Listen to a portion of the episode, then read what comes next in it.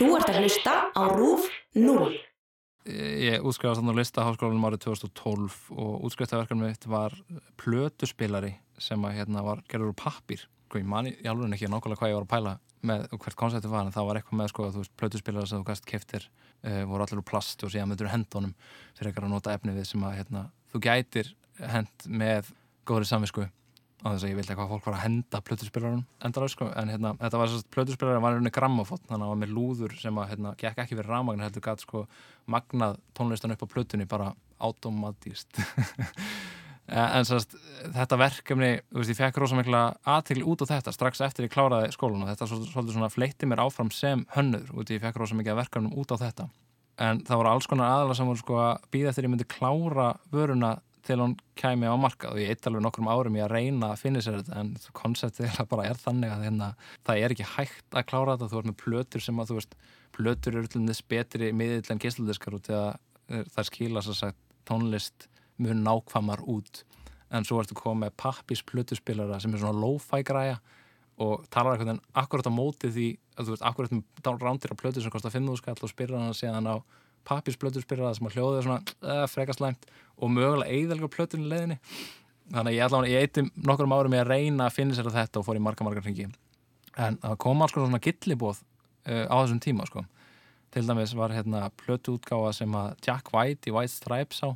Þau, þau höfðu samband og voru að fara að kífa út eitthvað viðhafnar útgáfi af einhverjum plötum sem einhver grammi í verðluna hafi, hafi gert eða eitthvað og vildi þess að fá þennan plötuspillara í kassan sem átti að vera svona viðhafna útgáfa þú veist, hérna, viðarkassi með fullta plötum og svo sérst plötuspilur hann eftir mig og ég sendi eitthvað prototyp út í bandaríkjana og þess, ég er alltaf að klára aldrei vöruna þannig að veist, þau var alltaf að býða en ég er svona massa stress, stress ég er stresskast að reyna að klára eitthvað sem að síðan komst að mörgum ára setna hérna, væri ókláranlegt og þannig að það var, það var svolítið svona uh, fyndið en, en líka bara svona skemmtilegt, þú veist, áhugavert tækiveri sko en hérna, bara gekk ekki upp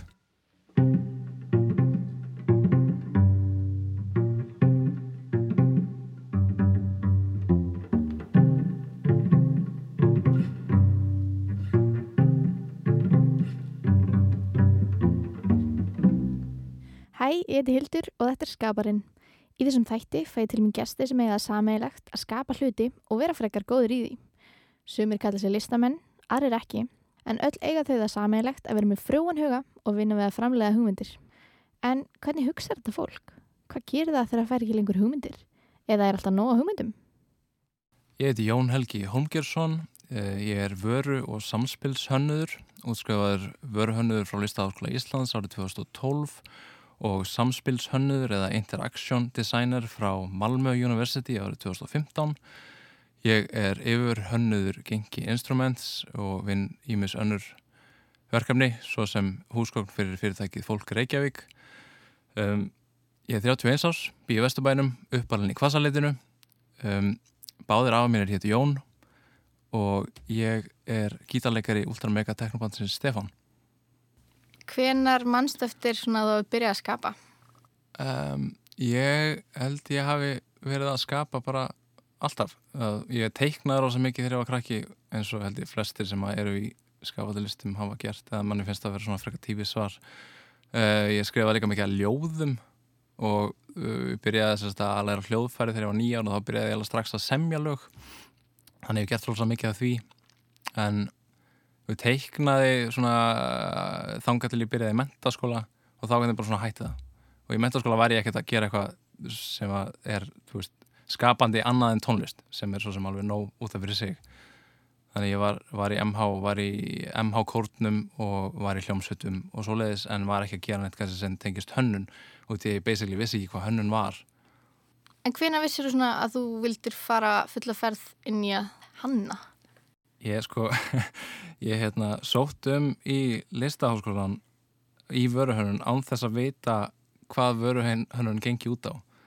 Uh, sem er kannski svolítið skrítið að segja þannig ég sjálfur sér vissi ekkert að ég vildi verða hönnuður fyrir en ég var byrjaður í náminu og, og svona, þú veist, verður liðin eitthvað tími þar og bara svona sá að þetta hérna, átti vel við mig. Ég sem sagt sótt um í vöruhörnun þannig að árið 2009 og sendi inn möppum, þú veist ég var ekki búin að vera að gera neitt uh, tengt hönnun eða, eða list sem var, var hægt að setja í möppu þannig að mappa mér var bara full af einhverju drastli. Þú veist, hún með teikningum frá því ég var 16 ára og hérna einhverju ljósmyndum bara svona, ég bjó, gerði bara eitthvað art í dót, ég bara svona, ég var, sérst, var að vinna, ég hætti hætti vinnunni, tókum bara svona 1-2 mánuði og, fó, og gerði bara möppu bjó bara til eitthvað til að setja í möppuna og ég sérst að uh, kemst inn í viðtal og var þá á, á svona interrail ferðalagi og stattur í söðu Fraklandi og þurfti að taka viðtalið gegnum Skype. Og það sem var sko, var vest við þetta var að hérna, tóka þetta gegnum Skype á okkur netkaffehúsi í söðu Fraklanda sem að internetsambandi var hræðilegt og e, þau sem voru að taka viðtalið um mig sáu mig en ég sá þau ekki þannig að þetta var, svona, þetta var mjög stressandi og óþægilegt og, og hérna, ég man bara að síðasta sem þau sögðu við mig var bara já þú ætti kannski að fara í fornám áður þú sækir um listaskólan uh, og ég bara já en sko ef, ef ég kemst inn þá, hérna, þá, þá mun ég leggja mig allan fram. Og aftur vissi ekki eins og út af hvað vörur hann gekk þannig að þetta var smá svona skrítið sko. En síðan komst ég ekki inn. Ég fekk bara breyf þú komst ekki inn. Og ég bara hey fuck this. Og hérna skráði mig í rítlist í háskólanum. Og var komin inn í hann og var bara búin að ákveða að þetta væri þetta var það sem ég var að fara að gera. Á þess að hafa eitthvað mikið verið að skrifa. Um, en síðan sagt, fekk ég símtal eh, eitthvað nokkur viku síðar sem mér var bóðið pláss þar sem ég komst inn af bygglista og var ég að pæli að taka því ekki en svo var eitthvað, æ, ok, það er auðveldar að komast inn í rítlis setna heldur en að komast aftur inn í þetta nám, þannig ég ákvaði að taka því. Og þá byrjaði þessi vegferð sem hönnuður. Hvernig svona byrjar að útfara grunnhugmyndina einar? Um, sko, ég held að öll ferli hjá mér byrji á eitthvað svona rannsóknarvinnu og hugmyndavinnu. En ég geru ótrúlega mismunandi e, verkefni. E, þannig að þú veist, það fer bara eftir hvað ég er að gera. Þú veist, ég hef hannað pakningar, ég hef hannað húsgögn, ég hannað mikið að ljósum e, hannað veitingastað og er núna hannað tæknivöru. Þannig að þú veist, grunninn er þetta alltaf bara eitthvað svona skapandi ferli sem ég fer í gegnum sem er, þú veist, hugmyndavinna og rannsóknarvinna síðan einhverjar útfæslur á því ídranir uh, jáfnvel viðtöl við notendur ef að, ef að, ef að það á við.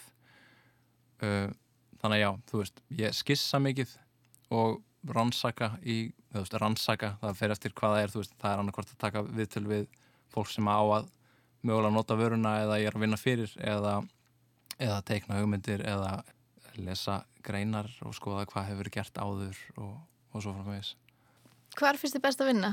Getur henni skapandi heima þér eða vinnur alltaf á skrifstofu? Sko, ég núna er sem sagt vinn sem yfir hönnuður gengi instruments og við erum með skrifstofu þar sem ég mæti bara í vinnuna og er þar svona eins og í 9-5 vinnu nema er það svona 10 til 8 eða, eða fjögur, það er bara fyrir eftir deginum. En ég vinn rosa vel heima á mér sko. Og, og hef oft gert þá því að þú veist, áður en ég byrjaði hjá Gengi þá var ég sjálfstæðstarfandi og var, hef bæði verið með stúdjó uh, semst annar staðar og eða semst vinnustofur uh, og verið að vinna heima á mér. Og ég vinn rosa vel bara hvar sem ég er ef ég er næði sko. Ég get vunnið mjög vel einn. Sem er eiginlega næsta spurning. Já, ég get vunnið mjög vel einn. Kanski spyrja spurningar Vinnir alltaf einn eða vinnir líka með öðrum? Hvað, hvað finnst þið betra? Sko, ég vinn mjög vel einn af því sem ég er að gera þess að ef ég get fengið næðið til að vinna en svona í heldina í verkefni þá sækist ég alltaf við að vera að vinna með öðrum því ég er alveg svona trúið í uh, stafastlega að þverflæðið samstarf sé eitthvað sem að, sem að sé líkillan að góða verkefnum og í gegnum tíðina hef ég alltaf reynda, veist, reynda að sjá ekki um allt í verkefni sjálfur til dæmis bara unnið fyrir fólk sem að þá ég hef unnið hönnununa og hef kannski gert það einn en svo er einhver annar sem tekur við sem er þá framlýslu þátturinn og markastátturinn og, og allt það og það er bara aðrir góðir í þeim hlutum sem ég hef kannski ekki áhuga á. Og þetta hefur kannski svolítið sínt sig í þessari vinnu sem ég er með hjá Genki Instruments og við erum þverfalegt teimi þar. Og við erum með tvo verkfræðinga, tvo hönnuð og eitt sem er svona hann, hann er hagfræðingur í grunnum, hann gerir allt, uh, allt annað basically og það er eitthvað svona jákvæð tókstreita sem að myndast þannig á milli hönnunar og verkfræði sem að er rauninni, þú veist við hönnuðin getum ekkert gert þetta verkefni einir og verkfræðin getum heldur en þú veist út í það mætist þannig í þessum þverfagleika þá hérna um, þá getum við gert það sem við erum að gera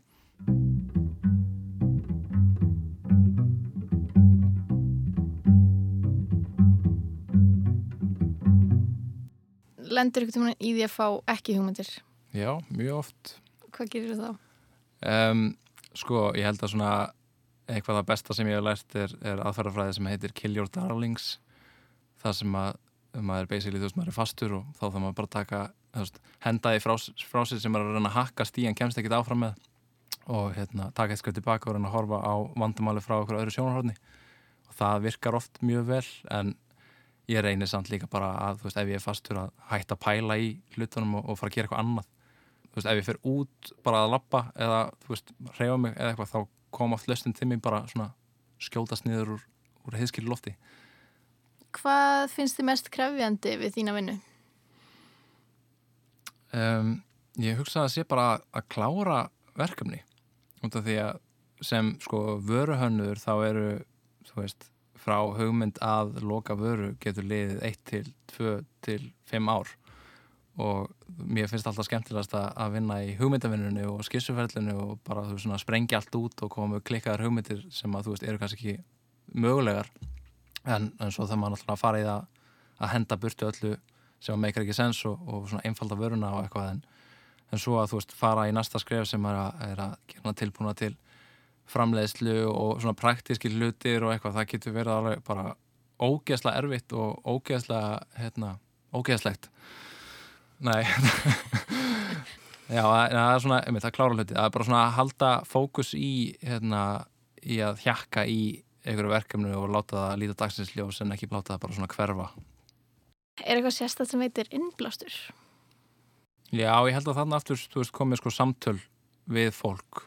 Ég hef ekkert maður talað um að, ræða sko hugmyndir við fólk sé oft mikill einblástu sama við hvernig maður er að tala át því að þú veist, ég segi eitthvað við þig til dæmis og þú skilur það eitthvað ákveðan hátt og kannski endur segi mér það og þá er ég bara, já en ég var ekki að tala um það en það er ekki hugmynd. Og svona, þú veist, þannig samtöl er oft mjög áhugaverð en, en svo kannski held að ákveðin einblástur sé hérna pappi minn sko. Því að hann er svona, hann er algjör dúer. Hann, hann er sko hann eftir slísi þegar hann var tvítugur og er, er hérna, lamaður á hægri hendi. Eða að hann getur ekki hreift puttana sem er alltaf bara þau tól sem maður þarf hvað mest á að halda en ég held ég hef aldrei hitt handlæknan í mann og mann sem bara svona lætur ekki stoppa sem bara gerir allt. Og ég er svo, svolítið ólst upp við það að þú veist, mér langaði kannski í leikfangasverð og þú veist, í staðin fyrir bara eitthvað þú veist, hann er alltaf ekki að sagt nei en í staðin fyrir að bara kannski kaupa eitthvað þá bara smíðaði hann hann með sverð. Og bara, þú veist, er alltaf eitthvað dútla í bílskurnum og þú veist, á endalusta græjum hann svona græju gaur og bara hann bara gerir allt. Og það er svolítið svona, það er ákveðin einblústur bara að, þú veist, láta ekki stoppa sig bara gera hlutina. Finnst þér að vera skapandi á annan hátt en í þinni grein? Já, já algjörlega, ég meina, ég sem rosa mikið tónlist, þú veist, sem tónlist og skrifa texta og ég byrjaði að mála á síðast ári. Það var að finna mig í því, það er mjög svona það er mikil núvitnd í því að hérna bara standa fyrir fram á trönur og, og, og mála eitthvað út í loftið sko. Þannig að það er nýtt fyrir mér sko. En hérna, já, ég, veginn, ég var aldrei eitthvað pælt í því, þú veist að ég sé að takast á við eitthvað listform sem að, þú veist, ég hef ekki lært eitthvað, ég bara, ef ég hef áhuga á því að prófa þá, eða mér er mjög gaman að prófa mismöndu hluti. Þannig ég einhvern veginn bara svona tekst á við þau vandamál sem hönnur, þú veist, það er náttúrulega bara sem ég geri í vinnunni, ég tekst á við vandamál og, og ef ég kann ekki eitthvað þá reynir ég að læra það. Og þú veist, þó að ég sé vöru og samspilshönnur samspilshönnur samspilið á milli manneski og tækni hvernig þú interaktar við tækni hluti í kringu þig sem að fittar hóða vel við vöruhönnun út af því að, veist, ég hanna tæknivörur og þá getur líka hannað hvernig þú, þú veist, bara allan, all, all, alla undirliggjandi virkni, ef svo má segja en þú veist, ég er líka í vinnunni bara eitthvað að edita vídeo eða búa til animations eða þú veist, bara whatever sko. Ef þú verður ekki vöruhönnur, hvað heldur þú verður að gera þá? Uh, Mér langaði sko alltaf að verða tónlistamæður en hérna, ég er ekki sérstaklega læriður í því og einhvern veginn, ég veit ekki hvað ég let það eitthvað stoppa mig. Ég held að það sé reynsla sem að gerir meira heldur en að fara í skóla. En ég einhvern veginn hafði ekki grunninn að það, þú veist, ég kann ekki tónfræði og, og hljómfræði og þannig stöf sko. En, en í staðin sem sagt fyrir að bara fara alla leiði að reyna að vera tónlistamæður og er eftir að lifa á því og allt það, þá voru ég hönnun. Og það er ekkert auðvelt að lifa á því. Og ég fór með þess að þá leið að ég reynda að byrja að tvinna saman sko vöruhönnun og tónlist. Og hef gert það í mjög mörgum verkefnum. Þannig að veist, það er mikil áhugi þannig ennþá og ég reyna að gera það, þú veist, ég reyna að vinna í tónlist svona á þess að alltaf þegar ég get sko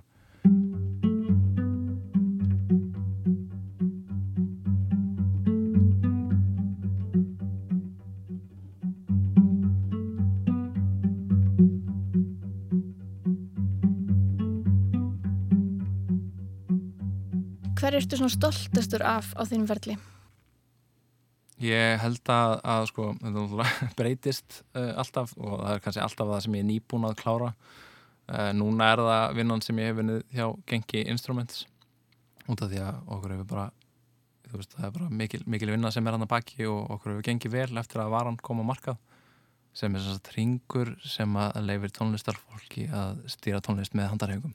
Já, ég, er, ég held þessi stoltastur af því núna. Við hérna, unnum hönnaverlun Íslands núna í november á síðast ári og það er eitthvað bara mesti heiður sem ég hef fengið á mínum ferli. Þetta er bara svona stærstu nánast einu verlunin á Íslandi en við erum að keppa þarna við öll sko hönnunar og arkitekturverkefni sem hafa komið fram á sjónarsvið á Íslandi síðustu tvö ár. Og við unnum þetta og bara, ég get bara hægt núna sko. En framtíðin, hvað hvað langaði að gera í framtíðinni og hvað draumirtu með? Ég sko hef eiginlega aldrei getað að plana mig lengra heldur en viku fram í tíman þannig að ég bara, ég held ég get ekki svarað þessar spurningu sko. Um, ég er ofinn fyrir öllu eitthvað þú veist, við erum alltaf erum að reyna að byggja þetta fyrirtæki upp, Genki Instruments og höfum alls konar framtíðar sín fyrir það fyrirtæki. Uh, og vonandi bara mun sávöxtur halda áfram. Uh, vonandi gef ég út plötu eitthvað ég ligga á, á fullt af lögum sem ég langar að klára það er draumur út af verið sig en svona höndunarlega þá bara vonandi að hérna, þú veist, þetta haldi áfram á því peysi sem að er búið að gera sem bara velgengni og hérna, fólk er til í, til í það sem er að gera og svo framvegis Hvenar veistu að nýhugmynd er góð? um, Ég held ég veit að ekki fyrir en ég er búin að bera það undir nokkrar manneskur ég reyna að gera það sko út af því að ok, tökum sko sem dæmi það sem ég er að gera við gengi instruments. Öll svo hugmyndi byggð á nóðundan við, viðtölum og til við erum að vinna fyrir mjög ákveðin hóp. Þessi var að væri alltaf öðru við segja við hefum bara hannað hana í einhverju vakumi og hérna, bara fyrir sjálfa mig eða eitthvað álíka. Það er fullt ákvörðunum hana sem eru tekna bara út frá því að við tölum við fólk sem ásíðan á notavöruna uh, síðan þegar ég hanna húsgögn þá var það kannski veist ég er ekki að taka notunda viðtöl við fólk sem að kaupir húsgögn og það er miklu miklu víðar í hópur en það sem ég geri fyrir ekkar er þú veist að ég skissa hlutin og svo teikna hann upp í þrývít og rendir hann út þannig að þú veist hann lítur svona nokkuð uh, að þú veist, þú sérð efnin sem að hérna hann á að hafa og þú svona getur ímyndaðar inn í rými sko.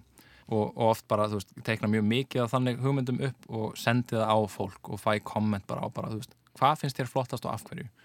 Og þú veist, ef, ég, ef, að, ef að eru margir sem að segja alltaf sama hlutin þá veit maður alltaf að það er mögulega eitthvað sem að gæti, gæti virkað það er mjög dýrt að fara í framlegslu á okkur hlut sem að síðan enginn vil kaupa þannig að þetta er svona, þetta er ákveðin taktik en, en, en hver á spurningin? Um, hérna, hvernig þú vissir að hugmyndi var góður hugmyndi? Já, umveit. Ég er rauninni að veita ekki fyrir henni undir fólk, þú veist, mér finnst kannski eitt, mér finnst þetta að vera góð hugmynd en þú veist, uh, það þarf, þú veist, hugmynd er ekki góð ef mér, bara mér finnst það, ég þarf að undir annað fólk líka. Getur þú mælt með einhverjum bókum eða podcastum eða myndum eða einhverju fyrir fólk sem hefur áhuga á sköpun eða hönnun? Já, sko, uh, ég les ekki mikið af hönnunabókum. Um, ég, hérna, þú veist, það er aðalega þá kennslubækur sem ég hef lesið uh, og ég hef verið að mæla með þannig, ég er sérst líka kennar upp í listaháskóla og ég hef verið að mæla með bókum við nefnundur en þú veist, það er ekki eitthvað svona til að fá inspiration, það er mér bara til að læra sem er ákveðið inspiration út af fyrir sig. Ég get mælt með bókinni Designing Interactions ef fólk vil fara út í að læra eitthvað um interaction hönnun sem er, þú veist, basically, þú veist hvernig tölvumúsin var til og svo framvegist, það er svona fyrst, fyrsta samspils hönnun og það talaði um það í þessari bók auk alls konar aðferðafræði. Ég les ekkert endilega bækur, þú veist, frá byrjun til enda ef það eru hönnabækur, þetta er bara svona í kapla sem að funkara fyrir það sem ég er að leita. Önnur bók heitir Futures Thinking held ég, hún er allavega um Futures Thinking og hérna mælum með þeirri bóki manni hvað heitir.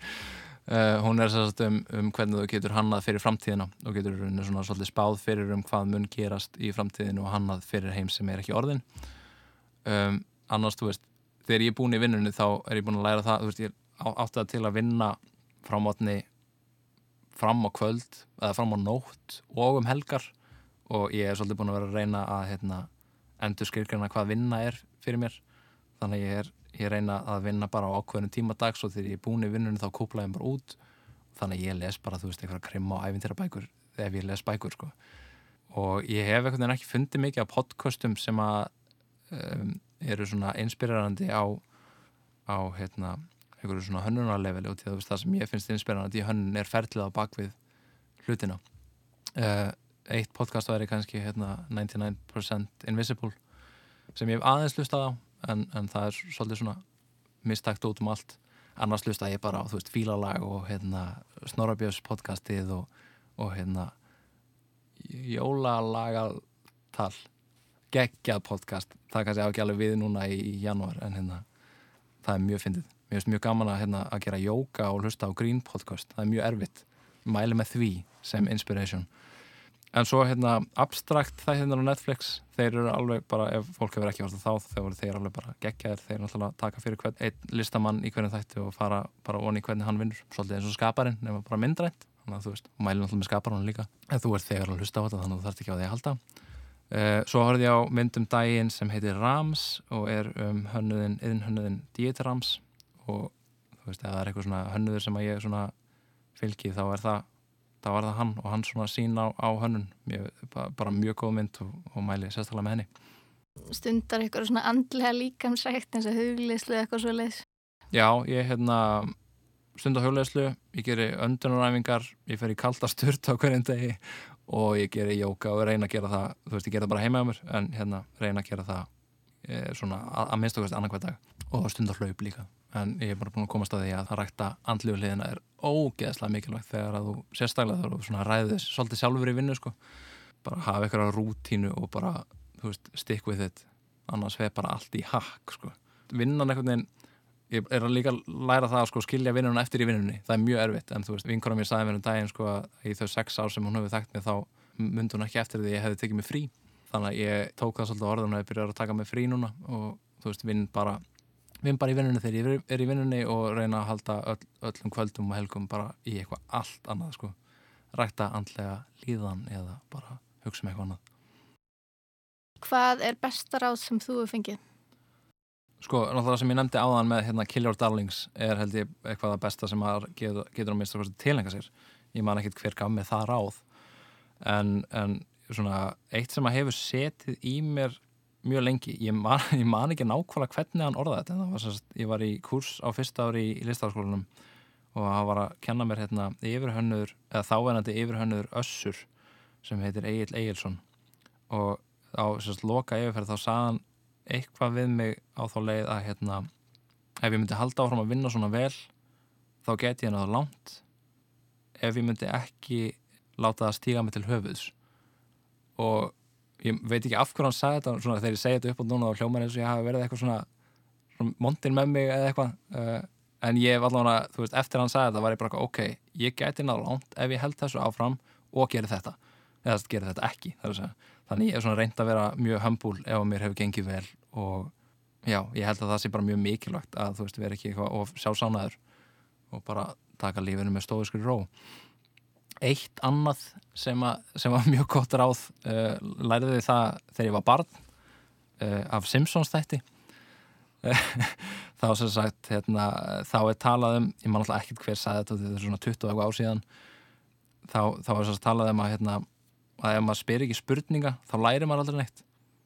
Mjög svona háflegt og, og gott en ég, ég tilengaði mér þetta strax þegar ég sá þetta í þessum þætti þegar ég var kannski 8 ára eða eitthvað. Og, og ég hef eitthvað nefn síðan þá bara, þú veist ekkert verið að þykjast vita hluti sem ég veit ekki. Og freka bara spurt ef ég veit ekki hlutina. Út af því að þú veist, annars læri maður ekki neitt eins og Simpsons segir. Ég þakka Jóni Kella fyrir skemmtilegt spjall og ef þið hafið áhuga að skoða gengi instrument þá getið þið fara heima síðan þeirra sem er gengiinstruments.com en ég ætla að enda þetta með þeim orðum sem við Jón vorum sammálum að það skiptir mestumáli að hafa gaman Ég heiti Hildur, þetta er skaparinn, takk fyrir mig.